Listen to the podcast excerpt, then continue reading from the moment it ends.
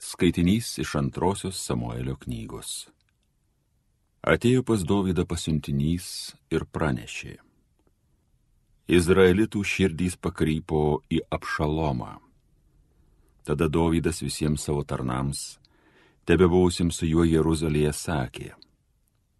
Kelkitės, bėkime, nėra mums įsigelbėjimo nuo apšalomo. Greičiau išžygiuokit, kad jis neužkluptų atneždamas mums nelaimę ir savo aštriu kalaviju nesumuštų miesto. Tuo tarpu Dovydas lipo alyvų kalno šlaito. Lipdamas verkė. Galva buvo uždengta ir ėjo basas. Ir visi žmonės esantieji su juo apsidengė galvas ir lipdami verkė. Vaitodamas ir apsigobęs galvą, Dovydas kopė į alyvų kalną. Ėjo basas ir visi su juo esantys žmonės apsigobę galvas, kopė to lydžio vaitodami. Kada karalius Dovydas atėjo į Bahurimą, staiga iš miesto išėjo vyriškis vardu Šimis geros sūnus iš Sauliaus namų giminiečių Jis keikdamas priejo prie Dovydo, mėtė akmenis į jį bei karaliaus Dovydo tarnus, nors iš kairės ir iš dešinės buvo prie jo kariškiai ir visa jos mens sargyba. Šimis šaukė ir keikėsi, kad tu kur prapultum žudikę, tu niekšas, kraujo kaltė kritusi ant namų Sauliaus, kurio vietoje tapai karaliumi, viešpats leido dabar ant tavęs suversti viešpats perdavė karalystę tavo sūnui apšalomui. Ištiko tave nelaimė, nes tu žudikas. Cerujo sūnus Abišajis klausė karaliaus. Ko tas nudvėselis šuo keikia savo karalių? Nukirsiu priejas jam galvą. Bet karalius bylojo, ką su jums man daryti, cerujo sūnus? Tegu jis keikia, Jei jam viešpats įsakė Dovydą keikti, tai kas tada gali klausti, kodėl tai darai? Ir Dovydas toliau bylojo Abišajui ir savo tarnams. Tikrasis mano sūnus kėsinasi į mano gyvybę. Tad juo labiau tai daryti turi teisę šis Benjaminitas. Tegu jis keikia.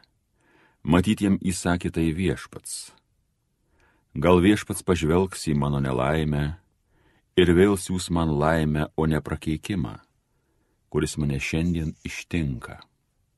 Dovydas ir jo žmonės ėjo savo keliu toliau, o šimis eidamas kalno atšlaitę šalia, be perstojo plūdo, mėtė jį akmenėmis, drapstė žemėmis. Tai Dievo žodis.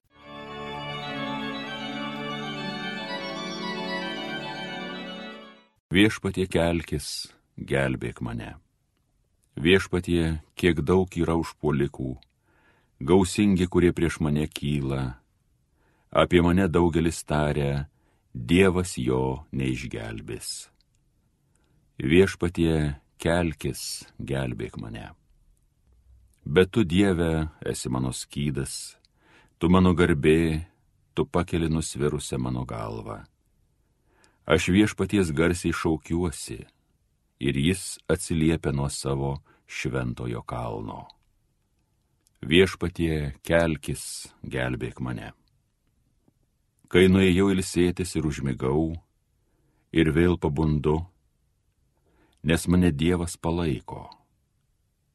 Nebaisus man tie tūkstančiai priešų, kurie ratu mane supa. O viešpatie kelkis, gelbėk mane mano Dieve. Viešpatie kelkis, gelbėk mane. Alleluja, alleluja, alleluja. Didis pranašas atsirado tarp mūsų, Dievas aplankė savo tautą. Alleluja.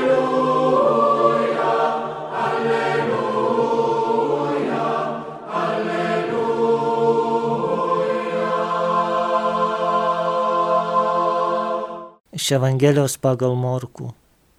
Jėzus ir jo mokiniai priplaukė ežero krantą Geraziečių krašte.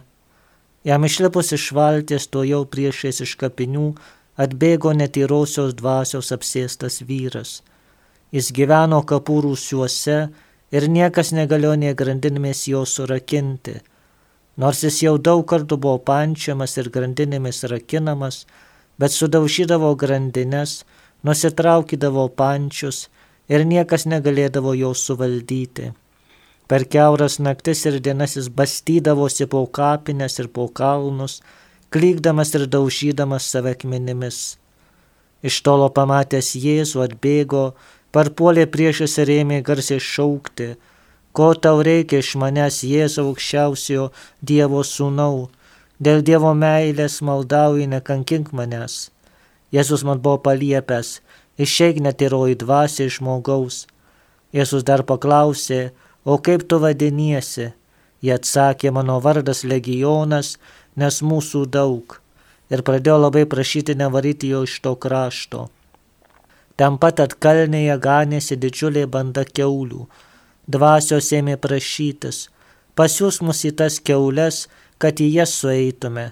Jėzus leido, išėjusios netyrusios dvasios apniko keulės ir visa banda, apie du tūkstančius keulių, umai metėsi nuo skardžių ešerą ir prigėrė ežere.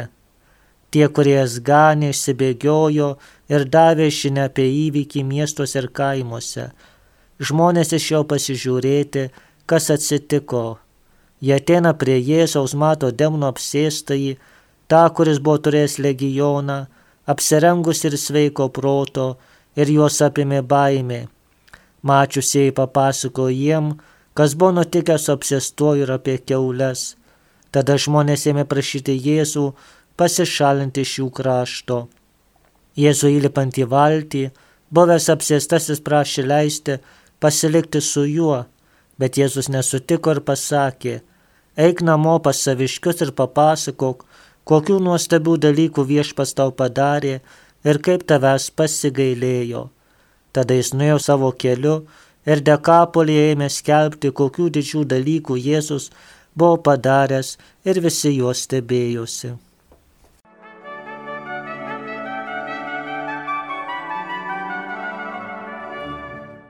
Šios dienos Evangelijos ištrauka tikrai tiktų kaip scenarius Hollywoodo filmui Čia ir daug veiksmo ir, ir mistikos elementų, sakytume, apsistasis, kuris tas apsėdimas ypatingai jame reiškiasi, kad jis yra pavojingas ir savo pačiam, nes laksto be drabužių gyvena kapūrūsiuose, save daužo akmenimis ir pavojingas kitiems žmonėms, žmonės negali praeiti, žmonės turi supančiuoti grandinėmis. Čia ir keulių minė, tikrai 2000 keulių, į kurias Jėzus suleidžia demonus ir kur keulės pražūsta. Taigi atrodytų tikrai įspūdinga istorija, ką šis pasakojimas nori mums pasakyti. Pirmiausia, matome tą apsėstąjį, apsėstąjį legiono, tai yra legionas 6000 karių Romos imperijoje buvo toks karinis vienetas legionas, tai yra tame žmoguje daugybė demonų, piktoji dvasia, kuri ateina, kad žmogaus gyvenimą paverstų, sakytume, tikrų pragarų, kad žmogus taptų nebe žmogus, o kažkas panašaus į pamišėlį, į gyvulį, ką ir matome, tame apsėstajame jisai gyvena vienas, gyvena kapūrūsiuose, tai yra mirties žemėje, nieko bendro neturi su gyvaisiais. Susitikimas su kitais žmonėmis jam yra pavojingas ir kitiems žmonėms yra pavojingas. Net pats su savimi tas vargšas apsėstasis nesutarė, save kankina, save žaloja. Taigi piktoji dvasia visuomet atneša susiskaldimą, susiskaldimą žmoguje, susiskaldimą aplinkoje. Ir štai Jėzus ateina tam, kad išvaduotų, Jėzus ateina tam, kad išgydytų, Jėzus ateina tam, kad sutaikintų žmogų, pirmiausia su pačiu savimi, Tai yra evangelistas pastebi, jog išgydytasis, išlaisvintasis nuo piktojo buvo vėl sveiko proto, tai yra elgesi kaip turi elgtis normalus, sveikas žmogus, vėl atgavęs žmogišką orumą, nebe nuogas, nebe reumojantis, nebesidraskantis, bet tikrai pilnas ramybės. Taigi pirmoji pamoka - tai kad viešpats visada ateina atnešti ramybę, ateina atnešti santarvę, ateina atnešti sutarimą. Kaip evangelistas Jonas sako, piktasis ateina tik tai žudyti, vokti ir meluoti. Visi susiskaldimai mumyse, kurie yra, tai yra tas toks pasimetimas, kurį kartais jaučiame savyje, ateina iš, iš tos piktosios dvasios. Susiskaldimas visuomenė, kuri dabar išgyvename, ar tai mūsų tėvynėje, ar visame pasaulyje irgi neteina iš Dievo, Dievas niekada neteina skaldyti, Dievas niekada neteina kiršintis, ateina sutaikinti, ateina išlaisvinti ir ateina išgydyti. Tai tikrai turime prašyti, prašyti, kad viešpats ateitų kaip tas, kuris ateina su, su ramybė, su šviesa ir su tiesa. Keulės, į kurias demonai prašosi įeiti, kurios pražūsta žydų kultūroje, toje kultūroje, kur gyveno Jėzus, tai yra simbolizavo tuos nešvarius gyvūnus, visą tai, kas, kas yra Dievui tarsi nemiela.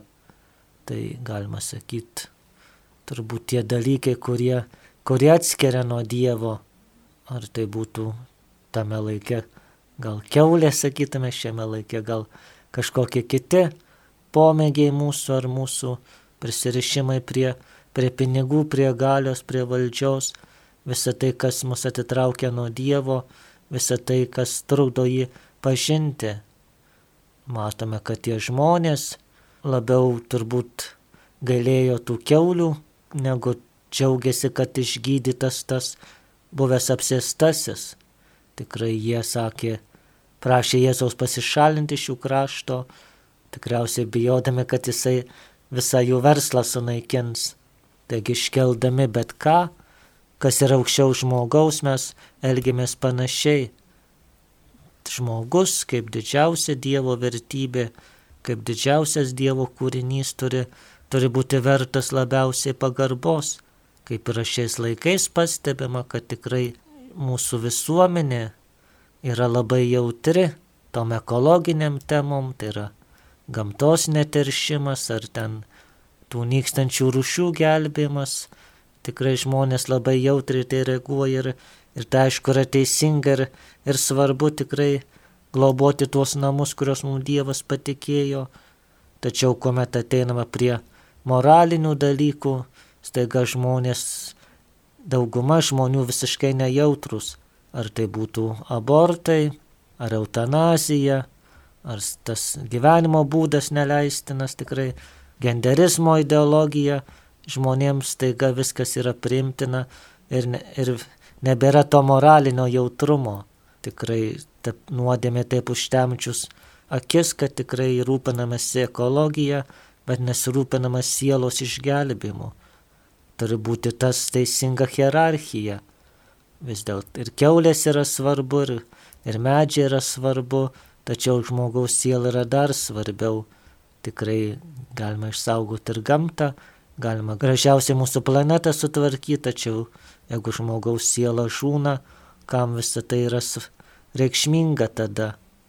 Tikrai prašykime tos išminties, tinkamai matyti visų dalykų tvarką. Ir galiausiai matome tą buvusį apsėstąjį, kuris sako, Jėzau, aš noriu sekti tavimi. Tai yra, jisai tikrai nori tapti Kristaus mokiniu. Kristaus apaštal ir štai atrodytų gal keistai Jėzus sako, nesako grįžk į namus, ten kur gyvenai ir ten liūdik. Tai viešpas parodo, jog yra daugybė pašaukimų, yra tie pašaukimai, kur tikrai sakytume, ar kunigo pašaukimas, ar vienuolio, misionieriaus pašaukimas, kur tikrai reikia viską palikti ir, ir atsiduoti tai Kristaus tarnybai, Tačiau yra ir kiti pašaukimai, kurie nėra nėra nieko menkesni ar, ar prastesni, tai gyventi krikščionišką gyvenimą šeimoje ar gyvenant vienam ir liūdėti Kristų ten, kur esi. Tai yra ir, ir būties, šeimos aplinkoje, ir darbe, ir visur, visur kitur. Tikrai mums reikia tų Kristaus mokinių, kurie tikrai nebijotų skelbti ir liūdyti tuo nuostabių viešpatės darbų. Jau palaimintas arkivyskupas Jurgis, kurį nesenai minėjome prieš kelias dienas, tą pasakė, kad sako, reikia paruošti pasauliečius, ištikimus mokymui bažnyčios tikėjimui, Evangelijos skelbimui ir juos pasiūsti ten, kur kunigas negali eiti. Nes kunigas ir ne visur suspėja ir kunigas ne visur priimamas, o tikintis pasaulietis gali įeiti visur ir visur paskleisti Kristaus žinę. Tai tikrai toji nuostabi Jėzaus misija ir nuostabus Jėzaus pašaukimas, kuris jis mums duoda kiekvienam iš mūsų. Nesvarbu, kokio amžiaus būtume, kokios sveikatos, kokias pareigas užimtume, mes visi esame įpareigoti skelbti ir liūdyti Kristaus Evangeliją. Taigi tikrai turėkime tos drąsos, turėkime tos vilties, visi esame svarbus. Ir šios dienos šventasis, šventasis Jonas Bosko arba Dom Bosko tikrai tą puikiai parodė, jisai rūpindamasis vaikais, ypatingai gatvės vaikais, kartu padarė juos geriausiais evangelizuotojais. Jie pritraukdavo savo draugus, jie paštalaudavo savo aplinkoj prašykime ir jo užtarimo šventojo Dombosko, kad, kad mokėtume tikrai savo aplinkoje, savo kasdienybėje būti tai iš Kristaus šviesos ir džiaugsmo apaštalais. Amen.